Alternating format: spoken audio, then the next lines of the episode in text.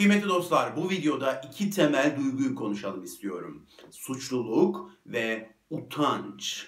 Hemen farklarını ayıralım. Suçluluk duygusu daha çok davranışlarımızla ilgilidir. Eylemlerimizle, yapıp ettiklerimizle.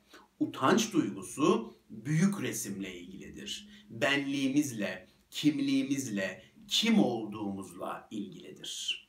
Her insanın bu hayatta kendine göre bir etik ve değerler sistemi vardır. Biz buna biliyorsunuz süper ego diyoruz. Süper ego içinde birçok kuralın yazılı olduğu bir kurallar kitabı gibidir.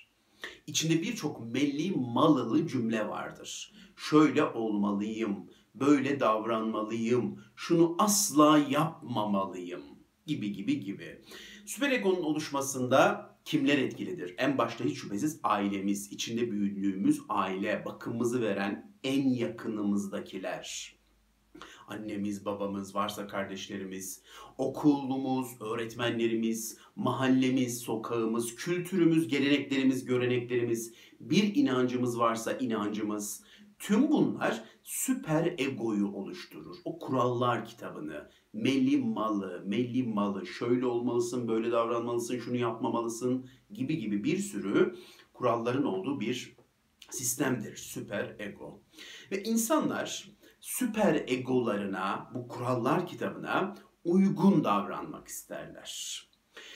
Şimdi hemen suçluluk ve utanca bağlayalım bunu. İşte siz bir davranış sergilediniz diyelim bir şey yaptınız.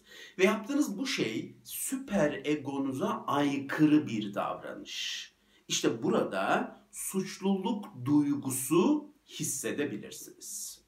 Sadece süper egonuza ters davrandığınızda mı? Hayır. Süper egonuza ters düşündüğünüzde dahi, süper egonuza ters hayal kurduğunuzda dahi, süper egonuza ters bir davranışı yapmaya niyetlendiğinizde dahi süper egonuzdaki kuralların tam tersi şekilde fikirler beyan eden bir yazarı okuduğunuzda dahi oralarda da suçluluk hissedebilirsiniz.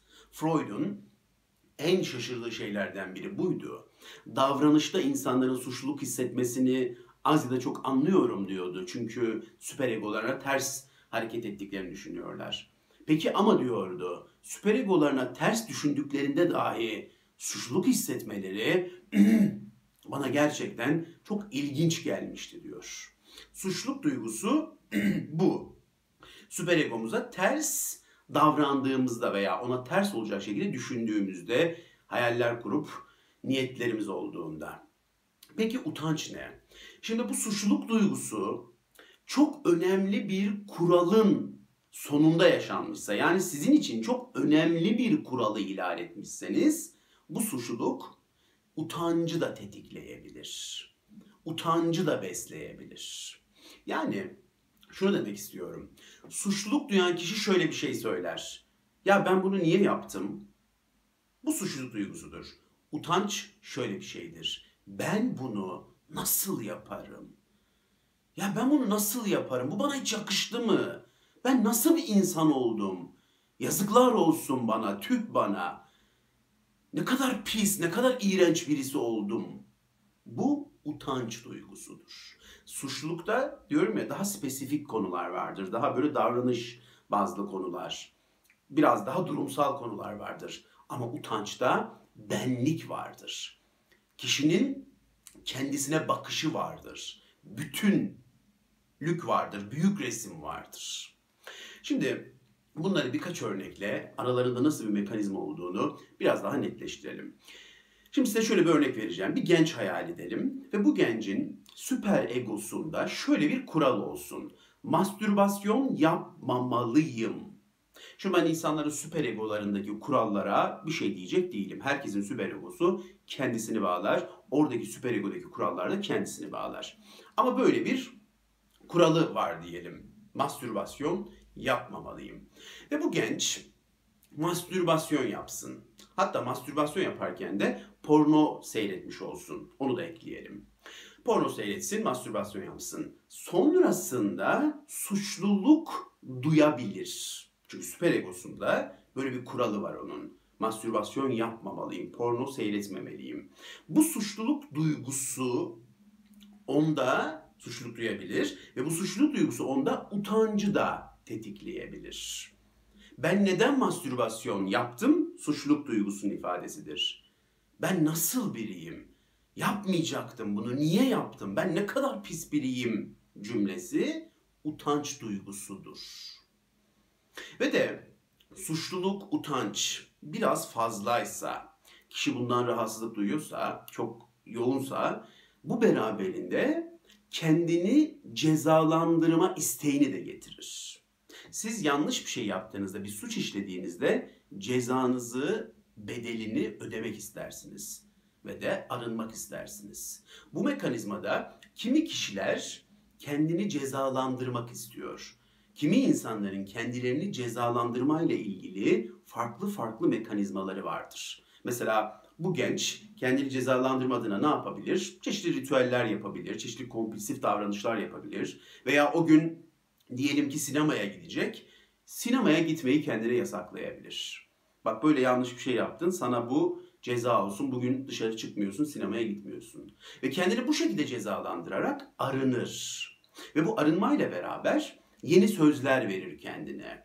İşte artık mastürbasyon yapmayacağım, işte asla porno seyretmeyeceğim. Bir süre böyle devam eder. Ama bu cinsel bir güdüdür. Belli aralıklarla sürekli yenilenen ve kendini gösteren bir güdü. Bir süre sonra cinsel güdüleri tekrar harekete geçer. Diyelim yine mastürbasyon yapar. Sonrası suçluluk, utanç, kendini cezalandırma isteği, verilen sözler ve belli bir süre devam eder. Yine sistem bozulur Yine mastürbasyon yapar, suçluluk, utanç, kendini cezalandırma. Ve böyle bir döngünün içine girer. Öyle bir şeydir ki bu döngü o kadar yorucudur ki bazı insanlar için bir süre sonra bu döngüye girmemek adına bir takım düzenlemeler yapmaya karar verir kişi. Yani cinsel güdülerini kontrol altına almakla ilgili adımlar atmaya başlar. Mesela çok fazla dışarı çıkmayayım ben. Çok fazla ortamlara gitmeyeyim ben. Bir film izliyor diyelim ve filmde sevişme sahneleri var. Hemen filmi kapatabilir. O fil, sevişme sahnelerini görmek istemeyebilir. Çünkü o sevişme sahneleriyle beraber cinsel güdüleri harekete geçecek ve belki bu mastürbasyon yapma isteğini canlandıracak ve oradan bir döngünün içine girecek. O yüzden bu döngüye girmemek için cinsel güdülerini kontrol adına çeşitli düzenlemeler de yapmayabilir, yapmaya başlayabilir hayatında. Hatta size bilmiyorum nasıl gelecek, belki şaşıracaksınız. Ben şöyle diyen bir insan tanıyorum. İnternette cinsel güdülerimi nasıl yok ederim diye araştırma yaptım demişti bana birisi. O kadar ki artık onları yok etmek istedim. Çünkü bu döngüleri yaşamaktan yorulmuştum. Eğer güdülerim olmazsa bu mekanizmaları da bu kısır döngüleri de hiç yaşamamış olurum demişti. Ve internette cinsel güdülerimi nasıl yok ederim diye araştırma yaptığını söylemişti. Düşünebiliyor musunuz? Cinsel güdülerini kim yok edebilir? Bu bizim en insani, en güzel dürtülerimizden biri değil mi? Yaşam enerjimizin, libidomuzun en önemli parçalarından biri cinsel dürtülerimiz değil mi? Bize canlılık veren, bir dürtü değil mi? Ne kadar önemli bir şey değil mi? Ama işte bu döngüden dolayı böyle bir araştırma yaptığını söylemişti. Bir örnek, suçluluk ve utanç duygusunun nasıl bir döngüde çalıştığını gösterebilmek adına böyle bir örnek verdim. Ama dediğim gibi süper egoları herkesin kendisini bağlar. Süper egonuzdaki kurallarınızla ilgili bir şey söyleyecek değilim. O sizi ilgilendirir. Bir başka örnek. Mesela süper egonuzda şöyle bir kural olsun çok mükemmel anne olmalıyım. Şimdi böyle bir süper ego kuralınız varsa anneliğinizin görevlerinin bazılarını yerine getiremediğinizde dahi suçluluk duygusu yaşayabilirsiniz. Ve bu utancı tetikleyebilir. Ben nasıl bir anneyim diyebilirsiniz. O yüzden suçluluk ve utanç duygularınızın nasıl bir mekanizma ile çalıştığını anlamak için süper egonuzdaki o kurallar, kural, kurallar silsilesine, kurallar bütününe bir göz atmanızda fayda vardır. Tabii Utanç ve suçluluk çok kötü duygular mı? Tabii ki işlevsel tarafları da var. Aslında işlevsel olduğunda çok faydalı duygularda. Hemen size birkaç örnek vereceğim. Şimdi benim süper egomda bir kural var. Diyorum ki yalan söylememeliyim. Abi ben dürüstlüğü seviyorum. Ben öyle yalanı beceremiyorum. Benim süper egomda böyle bir kural var. Güzel de bir kural. Ve de ben sevgilime yalan söyledim. Bayağı da bir yalan söyledim böyle. Kallavi bir yalan söyledim. Zaten ben bu yalan konularında çok hassas birisiysem sevgilime yalan söyledikten sonra bile hemen suçluluk duymaya başlarım zaten. Böyle bir kıvranırım ya olmadı ya bak kıza yalan söyledik. Yakışmadı bize. Zaten o suçluluğu yavaş yavaş duyarım. Hatta diyelim ki bir gün sonra da yalanım ortaya çıksın. Foyam ortaya çıksın. Böyle rezil de rüsvayda olayım. Rezil rüsva olayım. Bakın bu biraz utancımı da tetikler benim. Böyle biraz da utanırım. Bu duygular beni böyle yere serip mahvetme şeklinde demiyorum. Gayet sağlıklı şekilde beni sarsabilir. Utanabilirim. Bakın bu suçluluk ve duyduğum o tatlı utançla beraber, tatlı dediğim dengeli utançla beraber ben bir karar da alabilirim tekrar. Derim ki kendi kendime bak bu yalan işini beceremiyorsun. Ne hallere düştün gördün mü? Bir daha kelleni de koparsalar doğruyu söyleyeceksin abi. Ölsen de doğruyu söyleyeceksin abi diyebilirim kendime. Bakın buradan kendimce bir pay da çıkarabilirim. Suçluluk ve utanç sağlıklıysa, dengedeyse ve işlevselse beni geliştirebilir. Kendimden bir örnek vereceğim. Mesleğimin ilk yıllarında bizim için biliyorsunuz mesleğimizin en önemli kurallarından biri gizliliktir. Danışanlarımızın hayat hikayeleri bizim namusumuzdur. Onların bize anlattıklarını sır gibi, bir namus gibi koruruz. O çok önemlidir bizim için yani. Şimdi ben mesleğimin ilk yıllarında şöyle bir olay yaşamıştım. Bu mesleki etik kuralımızı ihlal ettiğim bir olay vardı. 17 yaşında bir danışanım vardı benim ve de onun bana anlattıkları içinde önemli bir şey vardı bir parça ve ben onu ondan izin almadan annesine aktarmıştım. Ve de tabii annesine aktardım ama o gün nasıl bir suçluluk hissediyorum, nasıl bir suçluluk hissediyorum. Ya diyorum ben bunu nasıl yaparım? Ben ondan izin almadan annesine bunu nasıl söylerim? Gece böyle bir felaket senaryoları dönüyor zihnimde anlatamam size. İşte diyorum ki annesi gidecek ona söyleyecek, onun bana güveni yıkılacak. Bana güveniyordu bak her şeyini anlatıyordu. Şimdi ne olacak? Mahvettim her şeyi. Nasıl canım sıkılıyor nasıl? Nasıl suçluluk hissediyorum? Ve de utanıyorum da dengeli bir şekilde. Diyorum ki nasıl yaparım ben bunu? Mesleki etik bir kuralımı nasıl ihlal ederim? Hiç yakışıyor mu bana? Diyorum. Bakın gayet sağlıklı süreçler bunlar. Dengede, sağlıklı, işlevsel. Ve diğer gün oldu. Hemen harekete geçtim. Sabah ofise gider gitmez hemen onu aradım. Dedim ki sana bir şey itiraf edeceğim. Senin bana anlattığın şu konuyu ben senden izinsiz annene anlattım. Senden çok özür diliyorum söyledim. O da ne dedi biliyor musunuz? hiç, hiç önemli değil hocam. Ben size bugün anlatacaktım. Siz söylemiş olmuşsunuz. Önemli değil. Ben zaten bugün söyleyecektim. Ama sorun değil dedi. Oh, nasıl rahatladım. Ve o gün ona tekrar dedim ki ben böyle bir yanlış yaptım. Ama bir daha asla bunu tekrarlamayacağım. Kesinlikle senden izinsiz annene kesinlikle bir şey aktarmayacağım. Lütfen bu yaptığım hata bana olan güvenini sarsmasın dedim ve kapattım ve bu benim için çok büyük bir ders oldu. Ondan sonra öyle bir dikkat ettim ki bu konuya.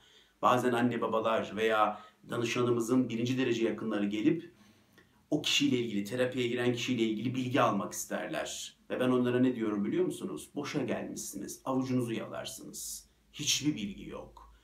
Full gizlilik. Ha, çok önemli bir konu mu var? İzin alırım, öyle paylaşırım. Bakın işlevsel olduğunda geliştirici de bir şey suçluluk ve utanç dengede yaşandığında işlevsel oluyor ve bizi geliştiriyor. Sevgili dostlar, kendi utanç ve suçluluk haritalarınıza bir göz atın. Ne kadarı işlevsel, ne kadarı işlevsel değil, ne kadarı sağlıklı, ne kadarı sağlıksız bir göz atın. Çünkü bizim maalesef bu şekilde işlevsiz birçok suçluluk ve utanç mekanizmalarımız olabiliyor. Mesela bazılarımızın süper egosunda hiç kimseye hayır dememeliyim gibi bir kural oluyor ve o kişi birine hayır dediğinde suçluluk hissediyor. Bakın işlevsiz bir suçluluk duygusu bu. Sağlıksız bir suçluluk duygusu. Sen herkese evet diyemezsin. Sen insansın, herkese yetişemezsin. Süperegondaki bu şemayı değiştireceksin. Ben insanlara her zaman evet diyemem. Şartlarım imkanım el verdiğinde evet der ve yardımcı olurum. Şartlarım imkanım el vermediğinde hayır derim. Böyle bir şema yerleştireceksin. Ondan sonra hayır dediğinde kısmen kısmen başarıda suçluluk duyabilirsin ama kendini hemen hatırlatacaksın. Hayır, şu an suçluluk duymam gerekmiyor. Hayır dediğim için suçluluk duymam gerekmiyor. Bu duygunun niye olduğunu biliyorum. Hep e, hayır dediğimde suçluluk duyduğum için doğal olarak şimdi de biraz hissettiriyor bu kendini. Ama hayır, yanlış bir şey yaptığımı düşünmüyorum. Bu suçluluk duygusuna izin vermeyeceğim. Beni elinde evirip çevirmesine izin vermeyeceğim. Hayır dedim. Ve yanlış bir şey yaptığımı düşünmüyorum. Bu şekilde kararlı dura dura dura dura bir süre sonra o suçluluk duyguları da yok olacak. Ve siz bir konuda kendinizi geliştirmiş olacaksınız. İşlevsiz bir suçluluk duygusundan kurtulmuş olacaksınız. O yüzden size tavsiyem utanç ve suçluluk haritalarınıza bakın. İşlevsel mi, sağlıklı mı, değil mi? Bence bir göz atın. Bitirmeden önce utanca küçük bir parantez açmak istiyorum. Yıllarca şu içimde utanç birikmiş benim. Yıllarca utanmamam gereken birçok konudan utanmışım ben. Şu kardeşiniz, şu fani, yıllarca şurasındaki 5-10 kiloluk yağdan utandı. Niye utandı biliyor musunuz? Sizin yüzünüzden. Siz yaptınız bunu. Toplum yaptı. Beni gördünüz, göbeğimi gördünüz. Dalga geçtiniz. Tiye aldınız. Bayağı ciddi ciddi tiye aldınız. Ne olmuş sana öyle dediniz. Bir, bir garip oldum ben. Ne olmuş bana? Sen ne kadar kilo almışsın dediniz. Bir garip hissettim kendimi. Her yerde bana göbeğimi gösterdiniz. Şuradaki 10 kiloluk yağ kütlesini gösterdiniz. Ve ben bundan utanmaya başladım. Utanmamam gereken bir şeyden utanmaya başladım. Gittiğim her yerde önüme kırlent aldım, yastık aldım. Aman göbeğim gözükmesin. Gözükürse dalga geçilirim rezil edilirim, utanırım diye. Ve beni öyle utandırdığınız yerlerde yer yarısaydı içine girseydim dedim. Ben niye yer yarılıp içine girmek istedim acaba? Göbeğimden dolayı niye acaba yerin dibine girmek istedim? Niye böyle bir şey olsun ki? Niye utandım acaba ben bundan? Çünkü siz utandırdınız beni. Yıllarca önüme kırlent koydum, yastık koydum. Beni göbeğimden utandırdınız. Asla utanmamam gereken bir şeyden utandırdınız. Bir başkasını ten renginden utandırdınız. Sürekli ten rengiyle ilgili yorum yaptınız atıyorum. Ele vardır değil mi eskiden vardı şimdi belki çok yoktur ama mesela teni biraz esmerse mesela dalga geçerlerdi o kişiyle. Mesela kara fatma falan derlerdi mesela. Ve o kişiyi de mesela teninden utandırdınız. Bir başkasını ve bu şekilde teninden utandırdınız o kişi Teninden utandı ya. Teninin renginden utandı utandı. Utanmaması gereken bir şeyden utandı. Gitti eve saatlerce tenini yıkadı. Ben böyle insanlar tanıyorum. Tenimin renginden utanmıştım hocam diyor. Utandırılıyordum. Gidiyordum yıkıyordum. Belki açılır belki beyazlar diye. Bir başkasını bekar olması için utandırdınız. Bekar olduğu için. Hala birilerini bulamadın mı? Dediniz, dediniz, dediniz. Utandırıyorsunuz o insanı utanmaması gereken bir şeyden utanıyor.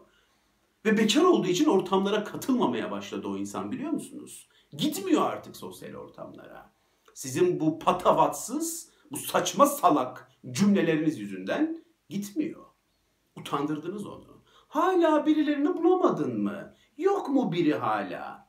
Yoksa yok sana ne? Sana ne kardeşim ya? Ne utandırıyorsun adamı ya? Bulamamış olabilir. Evlenmek istemiyor olabilir. Sevgilisi olsun istemiyor olabilir. Sana ne onun özel hayatından?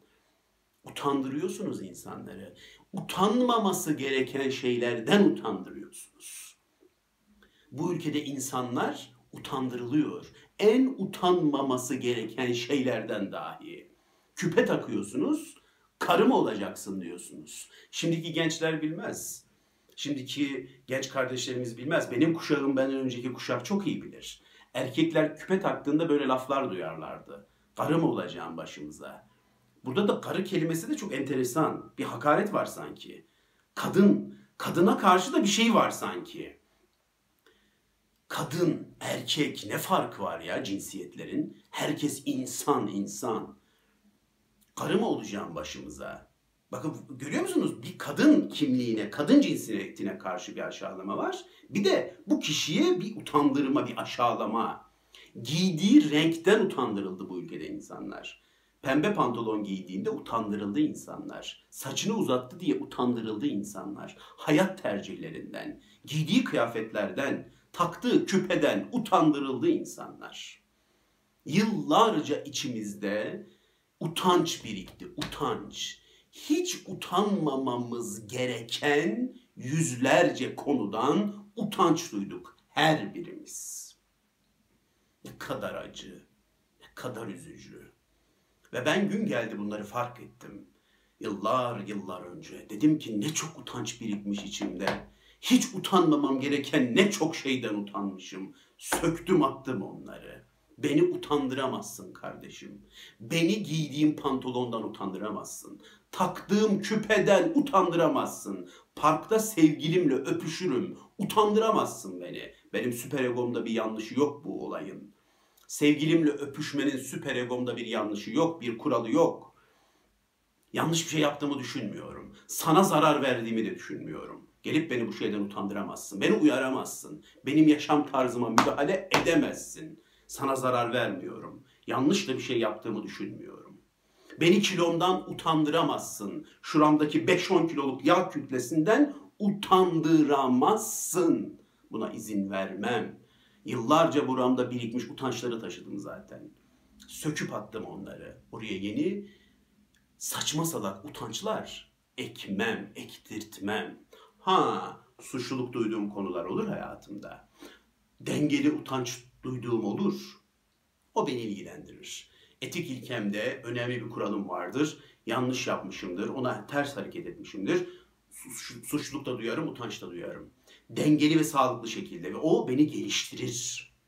Bu ülkede utanç bir kontrol etme mekanizması olarak kullanılıyor. İnsanlar insanlara emek vermek istemiyor. İnsanlar insanlara yanlışlarını tatlı tatlı güzelce göstermekten çok yorulduğu için, buna gücü yetmediği için utandırma mekanizması kullanılıyor. Bakın bir yanlış yapıyor. Ben diyelim yanlış bir şey yapıyorum. Yapabilirim. Gerçekten yanlış da olabilir. Bunun farkında da olmayabilirim.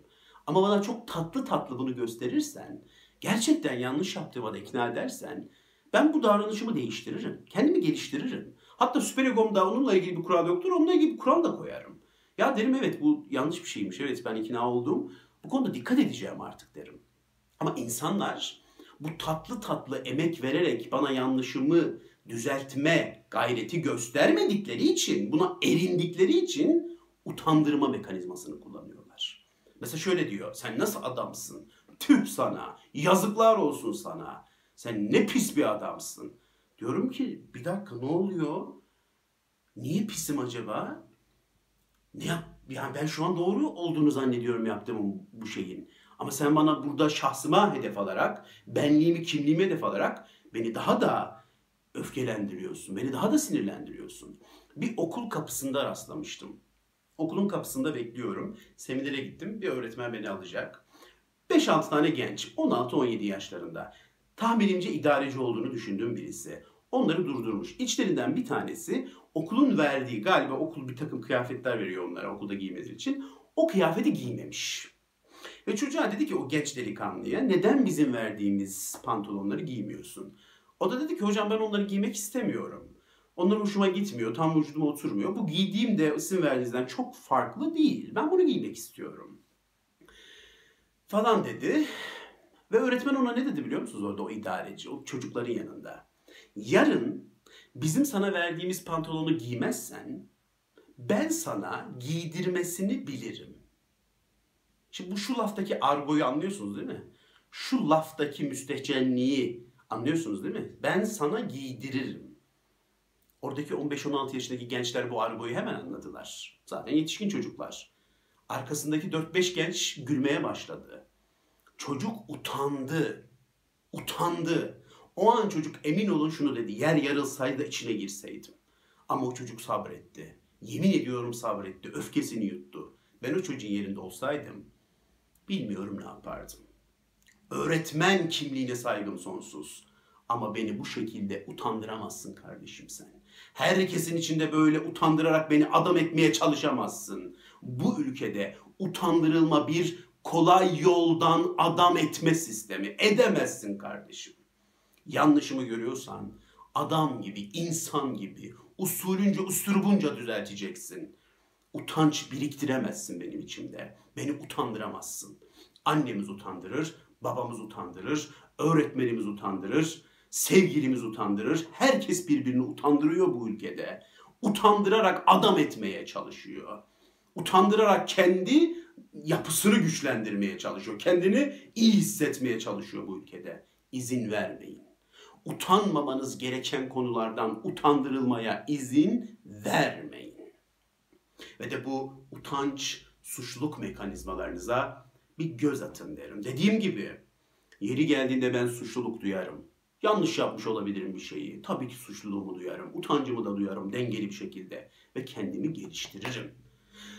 Evet, utanç ve suçluluk üzerine konuşalım istedim. Ne kadar enteresan bir zaman diliminde yaşıyoruz. Utanmamamız gereken şeylerden utanıyoruz. Utanması gereken şeylerden utanmayan insanlar görüyoruz. Enteresan devirler, enteresan zamanlar. Bir de şunu söyleyeyim, onu açmayacağım, belki araştırırsınız. Utanç ve suçluluk duygularını hiç hissetmeyen bir grup vardır. Narsistler. Narsistler asla utanmaz ve utanç duymaz. Çünkü onlar yaptıkları ve yarattıkları o görkemde yanlış yaptıklarına inanmazlar. Hep başkaları hatalıdır, hep başkaları eksiktir. Onlar o görkemlerine leke sürdürtmez. Suçluluk ve utanç duyarlarsa o narsist yapıları zedelenir, yerle bir olabilir. Böyle bir risk vardır. Bunu göze alamazlar. O yüzden suçluluk ve utanç onların lügatında hiç yoktur. Bunu da araştırmak isterseniz narsistlerle ilgili, narsistlerde utanç ve suçluluk duygusu araştırılabilir bir güzel konudur. Utanç ve suçluluk duygularını işlemek, işleyelim istedim. Lütfen, lütfen bu iki duyguyu iyi anlayın. Utanç ve suçluluk mekanizmalarınıza bakın. İşlevsiz, nevrotik, patolojik, sağlıksız utanç ve suçluluk duygularından kurtulun. Bu duyguları işlevsel, dengeli ve geliştirici hale getirin. Çok yararını, çok faydasını görecek, çok gelişecek ve ferahlayacaksınız. Utanmamanız gereken konulardan utanmamanız dileğiyle içinizde birikmiş o saçma salak utançları söküp atmanız dileğiyle. Kendinize çok iyi bakın. Dinlediğiniz için çok teşekkür ederim. Hoşçakalın.